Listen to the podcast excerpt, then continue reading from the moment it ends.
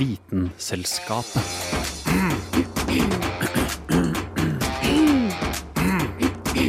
Vitenselskapet. Noen har mange, noen har bare én, og andre har ingen. Hanne hadde det i det øyeblikket hun ble født, men det hadde ikke jeg.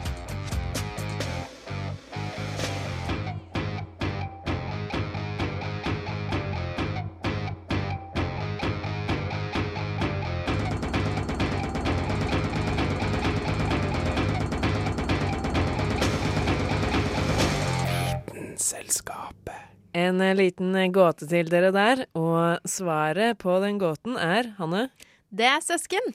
det er søsken, for når Hanne ble født, så hadde hun allerede en søster, og det hadde ikke jeg, og grunnen til det er At du er min storesøster.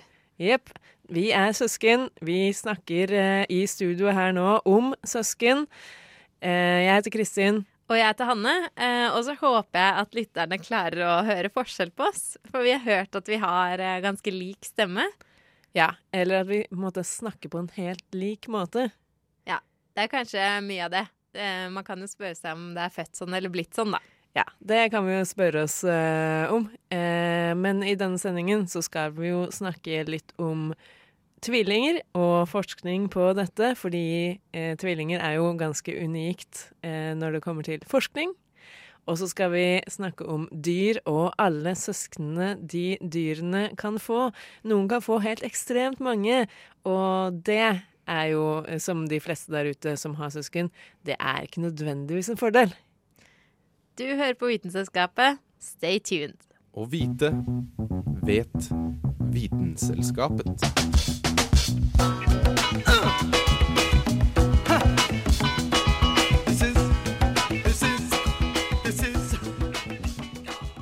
Det er greit at vi er gode venner, Kristin, men jeg vet ikke om vi hadde vært like gode venner om vi hadde levd et liv som siamesiske tvillinger. To armer, to ben, ett hjerte, én lever, to hoder.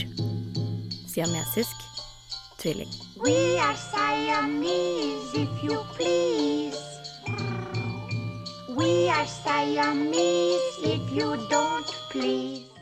Siamesiske tvillinger er sammenvokste tvillinger som oppstår når en befruktet eggcelle deler seg ufullstendig i to. Eneggede tvillinger er som kjent resultatet av en fullstendig deling av en befruktet eggcelle, men dersom dette skjer ufullstendig, får vi sammenhengende tvillingfostre. Fenomenet er svært sjeldent. Omtrent halvparten er dødfødte, og ca. en tredjedel dør i løpet av de første 24 timene. Siamesiske tvillinger deler fosterhinne, morkake og fostervann, i likhet med eneggede tvillinger. Man kan være sammenvokst på ulike måter. Vi deler dem derfor inn i kategorier. Følgende kategorier er blant de vanligste. Toraco omphalopagus. Tvillingene er sammenvokst ved øvre del av brystet. I slike tilfeller deler ofte tvillingene hjerte, lever og deler av fordøyelsessystemet. Thoracopagus. Tvillingene er sammenvokst fra brystet til nedre del av magen. Også i dette tilfellet deler tvillingene hjerte. Omfalopagus. Tvillingene er sammenvokst ved nedre del av magen. Fostrene har da hvert sitt hjerte, men deler ofte lever, fordøyelsessystem og andre indre organer. Kraniopagus. Tvillingene har sammenvokste hoder, men separerte kropper. Sammenvokste tvillinger kan separeres operativt. Dette kan være både ekstremt vanskelig eller forholdsvis enkelt. Naturlig nok avhenger det hele av hvordan tvillingene er sammenvokst, og i hvilken grad indre organer deles. De fleste separasjoner er imidlertid svært risikable, og det er ikke uvanlig at ingen, eller bare én, av tvillingene overlever. I tilfeller der tvillingene deler ett hjerte, må man velge hvilket individ som skal få organet, og dermed ha mulighet til å leve. Naturligvis bringer denne utvelgelsen med seg en del etiske utfordringer. I februar i år greide sveitsiske kirurger å separere åtte dager gamle siamesiske tvillinger. Aldri før har så unge sammenvokste tvillinger blitt separert med hell. Tvillingene Maya og Lydia var sammenvokst ved mage og bryst. Fem kirurger, to sykepleiere og seks anestesileger måtte til for å gi de to jentene en sjanse til et normalt liv. Operasjonen tok totalt fem timer. Legene hadde egentlig tenkt til å vente med operasjonen, men etter en uke ble jentenes blodtrykk så ustabilt at separasjonen måtte gjennomføres fortløpende. Dr. Barbara Wildhaber, som ledet operasjonen, har uttalt at teamet var forberedt på at begge jentene kunne dø fordi situasjonen var så kritisk. Til tross for dette har Maya og Lydia nå blitt til to separate, friske jenter. Verdensrekorden er satt, og historie er skrevet. Det kan by på vanskeligheter å føde to babyer som er forbundet med hverandre. En vanlig fødsel er jo et helvete, men tenk å poppe ut to små mennesker på en gang, som også henger sammen. Tvillinger er imidlertid ofte forholdsvis små, og de fødes som regel for tidlig. Derfor kan spontan fødsel av siamesiske tvillinger skje uten store problemer. I dag finnes det ca. 200 vellykket separerte tvillinger i verden. Til tross for at mange tvillinger kuttes fra hverandre, er det også mulig å leve et liv som sammenvokst. Amerikanske Abigail og Britney Hensel er et eksempel på dette.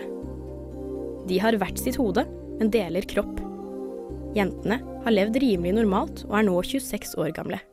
We're identical twins who are conjoined. But our parents never let us use that as an excuse. While life as a conjoined twin sometimes has its challenges, we were raised to believe that we could do anything we wanted. So we do. De styrer hver sin side av kroppen, hvilket innebærer et unikt samarbeid. Små fysiske handlinger, som å klappe eller å gå, krever dermed et fungerende samspill. Left. Right. Left. Right. To armer, to ben, ett hjerte, én lever. To hoder. Siamesisk tvilling. We are Siamese, if you please. Dette innslaget var lagd av Agnes Alstad Mokstad. Vis, vis, vis, vis, visste du at? Visste du at? Visste du at det er åtte ganger så mange atomer i én teskje med vann enn det er teskjeer med vann i Atlanterhavet? I én gjennomsnittlig teskje er det to ganger ti opphøyd i 23 vannmolekyler, og hvert vannmolekyl består som kjent av tre atomer, to hydrogen og ett oksygenatom.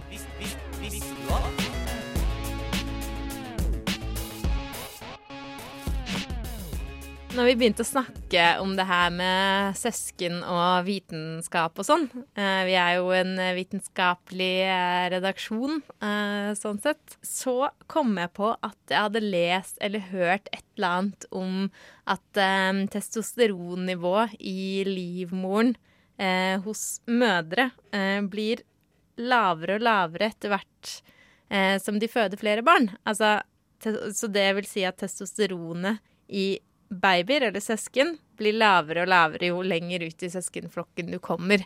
Um, så før sendinga så googla jeg det her. Um, og så syns jeg egentlig det var litt vanskelig å finne stoff om, eh, om akkurat det temaet her, men jeg fant en, eh, en eh, litt eldre artikkel fra begynnelsen av em, 2000-tallet, em, hvor de så på om søsken ble mer eller mindre maskuline ut fra hvor mange eldre mannlige søskene, søsken de hadde. Altså ut fra hvor mange eldre brødre. Altså alt man kan forske på. Ja, det, det er mye å forske på. Eh, Men da så de altså på hvordan folk så ut, og hvor eh, mye styrke de hadde i hendene. For det er jo typisk maskulint. Hvis du er sterk i hendene, så er du veldig maskulin. Ja, så det de gjorde da, eh, på kvinnene så målte de hvor eh, sterke de var i hendene. Og på mennene så målte de hvor eh, smale hofter de hadde. Og det forskerne fant ut da, ved University of Albany, der den studien her ble gjennomført, var at om en kvinne hadde mange eldre brødre, så var hun også sterkere i, i hendene enn det en kvinne uten mange eldre brødre var. Og på samme måte eh, så var en mann som hadde mange eldre brødre, var smalere i hoftene enn det en mann uten mange eldre brødre var. Så det de forskerne mente, da, var at eh, testosteronnivået i livmoren på en måte ble værende fram til neste graviditet, på en måte. Sånn at hvis du hadde født en gutt tidligere, så hadde du høyere nivå av testosteron i livmoren enn om du ikke hadde født en gutt tidligere. Og dette ble eh, da påvirka resten av søsknene. Eh, men at eh, testosteronnivået på en måte Hvis det var en gutt som kom etterpå, så fikk de litt lavere testosteron. Men om det var en jente At det liksom ble brukt opp? Ja, det ble litt brukt opp samtidig som at jentene fikk mer testosteron enn normalt. Og så fikk guttene litt mindre testosteron enn normalt hvis de hadde eh, brødre, da. Men det her, altså, gutter har jo normalt høyere testosteronnivå enn jenter. Ja, men det jeg lurer litt på er eh, født sånn eller blitt sånn? Fordi hvis du er en jente som har fem eldre brødre, da, for eksempel, så kan det jo hende at du blir litt mer på en måte guttete, om man skal si det sånn. Ja, at da har man brutt med litt mer håndbak, kanskje. Det er Ja. grunnen til at man er sterkere. Ja, det, det er jo interessant. Det uh, fører meg til en annen studie da, gjort av en, eh, en norsk uh, forsker ved NTNU. Uh, og da har hun sett på giftermål i Norge. Hun har sett i gamle kirkebøker. Og så har hun sett på hvem som har gifta seg med hverandre, og hvor mange barn de har fått. Og da har hun funnet ut at eh, de som får flest barn, og de som oftest gifter seg, er storebrødre fra en søskenflokk og lillesøstre fra en annen eh, søskenflokk. Eh, og hypotesen er da at testosteronnivået i livmoren blir lavere jo flere søsken man føder. Og det vil si at testosteronnivået i søskenflokken synker. Sånn at uh, lillesøstre er mer feminine enn storesøstre, og at storebrødre er mer maskuline enn lillebrødre. Og teorien da er jo at maskuline menn finner sammen med feminine damer. Eh, skal vi snakke litt om litt annen type forskning, da, kanskje?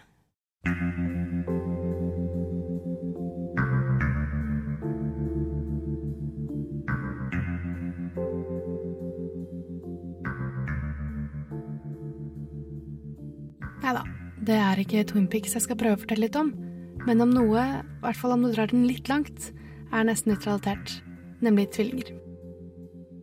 I Norge er omtrent én per 100 fødsler tvillingfødsler, og med stadig mer suksessrik fertilitetsbefruktning har hyppigheten av flerfødsler økt de siste ti årene. Tvillinger, både eneggede og toeggede, brukes ofte i forskningsstudier, spesielt innenfor atferdsgenetikk, der forskerne ser på sammenhengen og balansen mellom arv og miljø. Et av de mest omdiskuterte temaene innenfor genetisk forskning er arv og miljø, og nettopp innenfor dette feltet at bruk av tvillinger er spesielt utbredt. Som de fleste vet, er toeggede tvillinger utviklet fra to separate egg, befruktet av to separate sædceller, uavhengig av hverandre. Selv om toeggede tvillinger i likhet med eneggede tvillinger blir unnfanget og fødes samtidig, er de genetisk sett like like som hvilket som helst annet søskenpar. Dette er fordi sammensetningen av det genetiske materialet i eggcellene og sædcellene er helt tilfeldig, og derfor kan være svært variert. Toeggede tvillinger kan imidlertid ved noen tilfeller bli forvekslet som eneggede. I gjennomsnitt deler toeggede tvillinger rundt 50% av de samme genene. Men om variasjonene av enkelte gener som koder for ganske synlige karakteristikker, som øyenfarge, hårfarge og ansiktsform, kan også toeggede tvillinger utseendemessig se ganske like ut, i likhet med søsken i ulik alder. Eneggede tvillinger derimot har 100% identisk genetisk materiale. Med eneggede tvillinger kan man dermed se på hvorvidt det å vokse opp i ulike miljøer, eller å f.eks. ha ulike livsstilsvaner, har noe utslag på tvillingenes utvikling, eller om det å ha det samme genetiske utgangspunktet da forutsetter samme utvikling. Det betyr dog ikke at tvillingene ser og oppfører seg identisk. Det er vanlig at eneggede tvillinger har enkelte forskjeller utseendemessig som følge av miljøårsaker som tvillingenes posisjon i livmoren eller andre ting senere i livet, som kosthold og søvnvaner. Men I den noe kontroversielle forskningsstudien kjent som The Minnesota Studies of Twins Reared Apart, forsket Thomas Buchard i 1979 på tvillinger som ble separert ved fødselen og bortadoptert til ulike familier. Et av de mest kjente av disse tvillingparene var to tvillinger som ble gjenforent som 39-åringer etter å ha blitt adoptert til hver sin familie bare noen uker gamle. Likheten mellom brødrene var utrolig slående. Begge brødrene giftet seg og skilte seg fra kvinner som het Linda, for så å gifte seg med kvinner som begge het Betty. Men det stopper faktisk ikke der. Begge brødrene, som nevnt helt uavhengig av hverandre, kalte videre både sønnene sine og hundene sine akkurat det samme. Det kan jo selvfølgelig være et veldig spesielt tilfelle, men Buchard kom fram til at sannsynligheten for at fraseparerte identiske tvillinger utviklet lignende personlighet, holdninger og interesser, var like stor som for identiske tvillinger oppvokst i samme familie. Buchards studie beviser ikke imidlertid det som kalles genetisk determinisme, men viser heller at det er et samspill mellom gener og hvordan vi oppfører oss. En mindre kontroversiell, enda mer brukt forskningsmetode er metoden kjent som den klassiske tvillingmetoden, som kan brukes til å se på forskjeller mellom mennesker innad i befolkningen. Om eneggede tvillinger hyppigere har samme sykdom enn toeggede tvillinger, er det større sannsynlighet for at sykdommen i hovedårsak kommer av deres arvelige disposisjon for sykdommen, og ikke av miljømessige årsaker, f.eks. om de har røyket en pakke sigg om dagen i 20 år. Til og med NASA har tatt i bruk tvillinger. I en studie utført av NASA for å se på effekten av langvarig opphold i verdensrommet tilbrakte den amerikanske astronauten Scott Kelly 340 dager ved den internasjonale romstasjonen, mens han identiske tvillingbror Mark Kelly, som for øvrig også var astronaut, var på jorden. Gjennom året gjennomgikk begge brødrene en rekke fysiologiske og fysiske tester, samtidig som at det ble jevnlig tatt blod, urin og spyttprøver av brødrene. Scott Kelly returnerte til jorda i mars i år, men resultatene fra studien kommer nok til å utebli en stund til. Det var Sunniva Blix som hadde lagd den saken. Visst, visst, visst, visst. Du at? Visste du at? Visste du at den berømte dyregruppen dinosaurene levde på og dominerte jorda i over 150 millioner år? Vi mennesker har på den annen side vært på jorda i maks 200 000 år, og den menneskelige sivilisasjonen har kun eksistert i 10 000 år. Det tar en stund før vi kan matche dinosaurenes regjeringstid. Vis, vis, vis,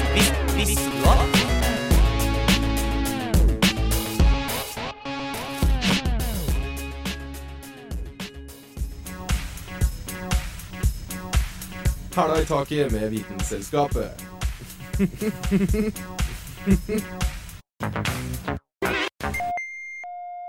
Ok, Hanne. Uh, Veit du hvilket dyr som uh, har flest søsken? Um, altså sånn, man hører jo formerer seg som kaniner, da, så kanskje kanin? Ja, kaniner får jo veldig mange barn, men de får jo ofte barn i forskjellige kull og sånn, og ja, OK, det er jo på en måte Det er greit, de er søsken, de også, men ja, her tenker jeg på i én og samme skladask. Ah, um, altså jeg regner med at mygg ikke kvalifiserer som dyr. Nei, de må ha virvler. Hmm. Ja, nei, jeg vet ikke, jeg. Ja. Gir du opp? Mus?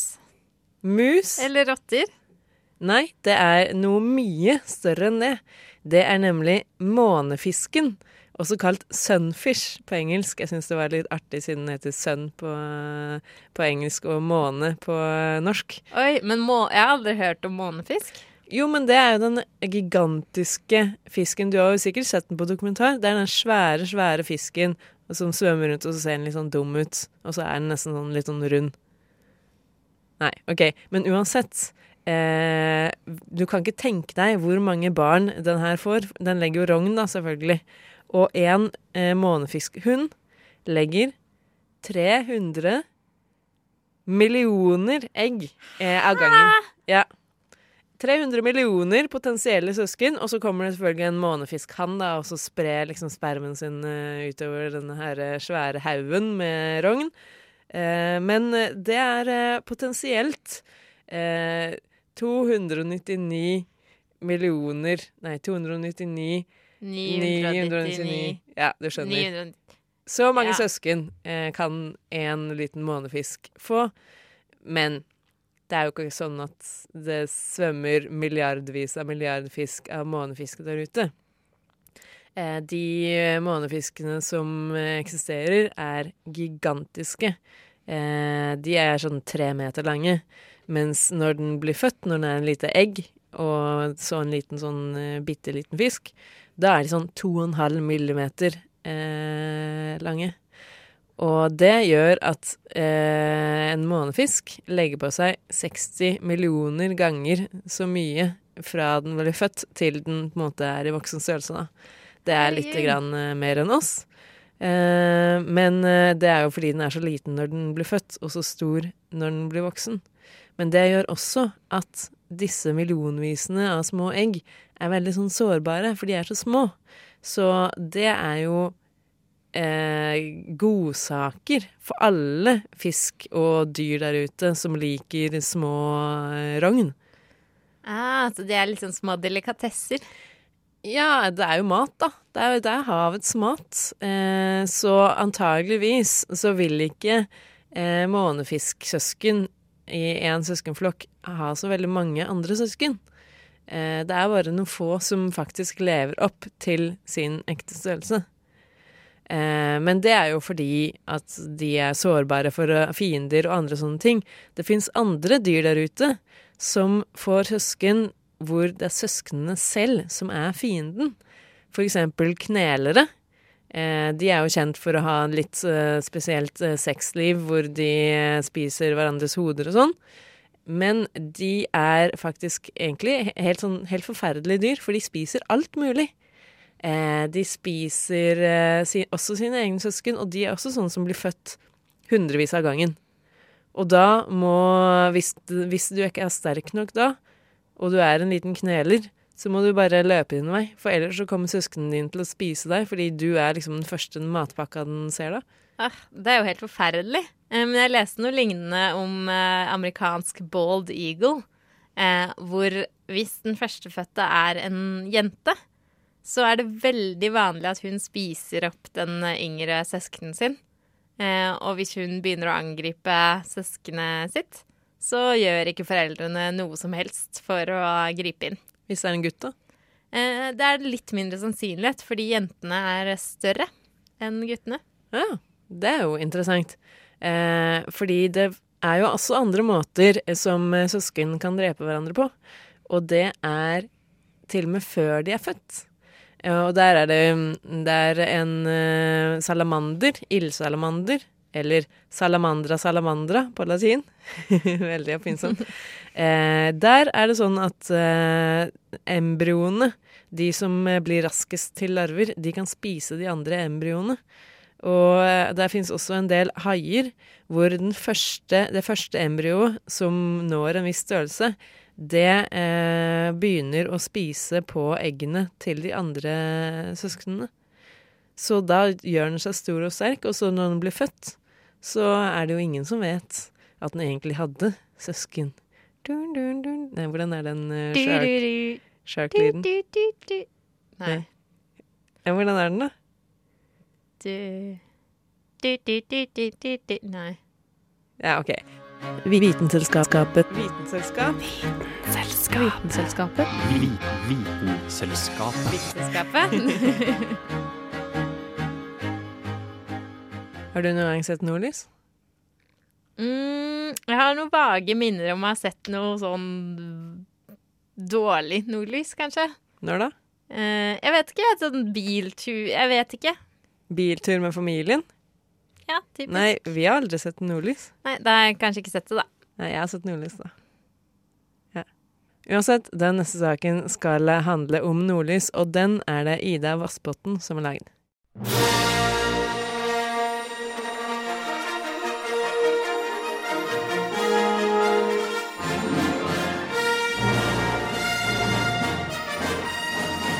Nå er det høytid for å dra på jakt etter lyset. Her til lands er det tross alt flere plasser som har laga turistattraksjon av aktiviteten på himmelen. Så hva er det med det her nordlyset? Som nordlending kan jeg egentlig ikke huske å være så imponert av nordlys når det er noe jeg så ganske ofte. Det var ikke før det var gigantisk og dekket hele himmelen at vi la oss på bakken for å stirre på den grønne greia. Men etter å ha bodd vekke fra nord i flere år, skjønner jeg at det er noe kult med dette. Folk blir oppriktig gira av nordlys, og det er forståelig. Når kan man egentlig se nordlyset? Dette er noe vi forbinder med vinter og mørke. Som faktisk så er nordlyset der hele året, men vi klarer bare ikke å se det pga. lyset. I Norge er det veldig vanlig å se lyset i nord, sånn som Tromsø og Finnmark. Der kan det faktisk være så ofte som annenhver natt. Den største utfordringa for å se nordlys er faktisk skyene som dekker det til. Dager rundt fullmåne er det vanskelig å se nordlys pga. den lyse himmelen. Så altså, de mørke tidene av året er de beste for å kunne se nordlyset. Lysfenomenet kommer når energirike partikler blir slynga fra sola til jorda, og elektroner og protoner kolliderer med atmosfæregassen. Så får gassen en energi, og så blir det det lyset som vi elsker å se på. Partiklene som sendes fra sola, ledes via magnetfeltene, som er ved Nord- og Sørpolen. Det skaper sirkler av lys rundt de magnetiske polene. I de områdene som dekkes av disse sirklene, har alltid mulighet for å se nordlys, og det er ganske ofte. Nordlyset kommer fram i Nord-Skandinavia, Island, Grønland, nord i Canada, Alaska og langs nordkysten av Sibir. Det er derfor vi er så heldige å få se det i Norge, siden vi ligger så langt nord. Men vi har også noe som kalles et sørlys. Noe som mange forskere lenge trodde var en refleksjon av nordlyset, men det er det faktisk ikke. Det er sitt eget lys. Sørlyset kan ses fra bl.a. Antarktis og noen ganger fra New Zealand. Nord- og sørlys kan få forskjellige farger, men hva avgjør disse fargene, og hvorfor er det som oftest grønt? Farger avhenger hva slags atomer eller molekyler de lada partiklene fra sola treffer. Når de treffer oksygenatomet i 100 000 meters høyde, blir det grønt, og det er dette som oftest skjer. Men det kan også ses som lilla, rødt, blått eller gult. Sånn personlig så vil jeg si, for å se nordlyset burde du se etter disse stjerneklare dagene, nå spesielt på høsten, og kanskje videre mot desember. Kanskje hvis det er vindstille, og så hvis det er litt under minusgrensa på graderstokken, så tror jeg det passer veldig bra. Så lykke til videre på nordlysjakt.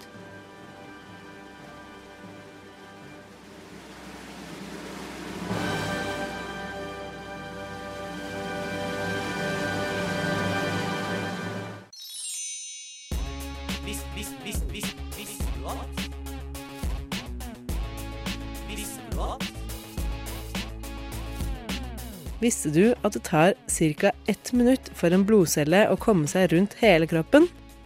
Hjertet vårt pumper 70 ml med blod i hvert hjerteslag, og vanligvis slår hjertet ca. 70 ganger i minuttet.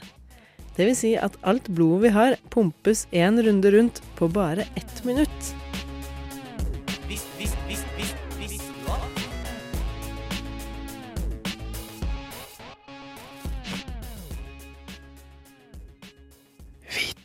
Vitenselskapet.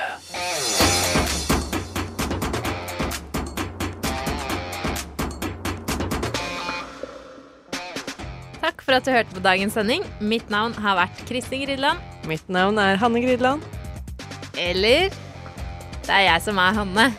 Det er jeg som er Kristin, men jeg tror ikke det spiller noen rolle, fordi vi er jo basically den samme personen. Det er man jo åpenbart hvis man er søsken.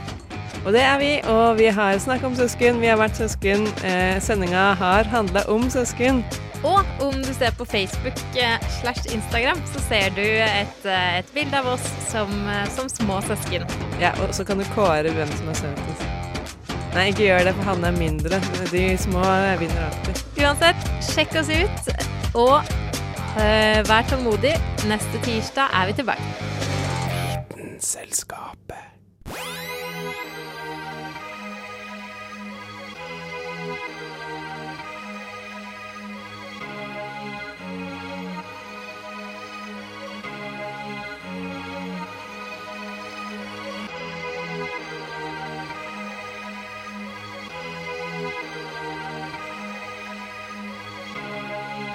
Siden 1982 har Radio Nova gitt deg favorittmusikken din, før du visste at du likte den.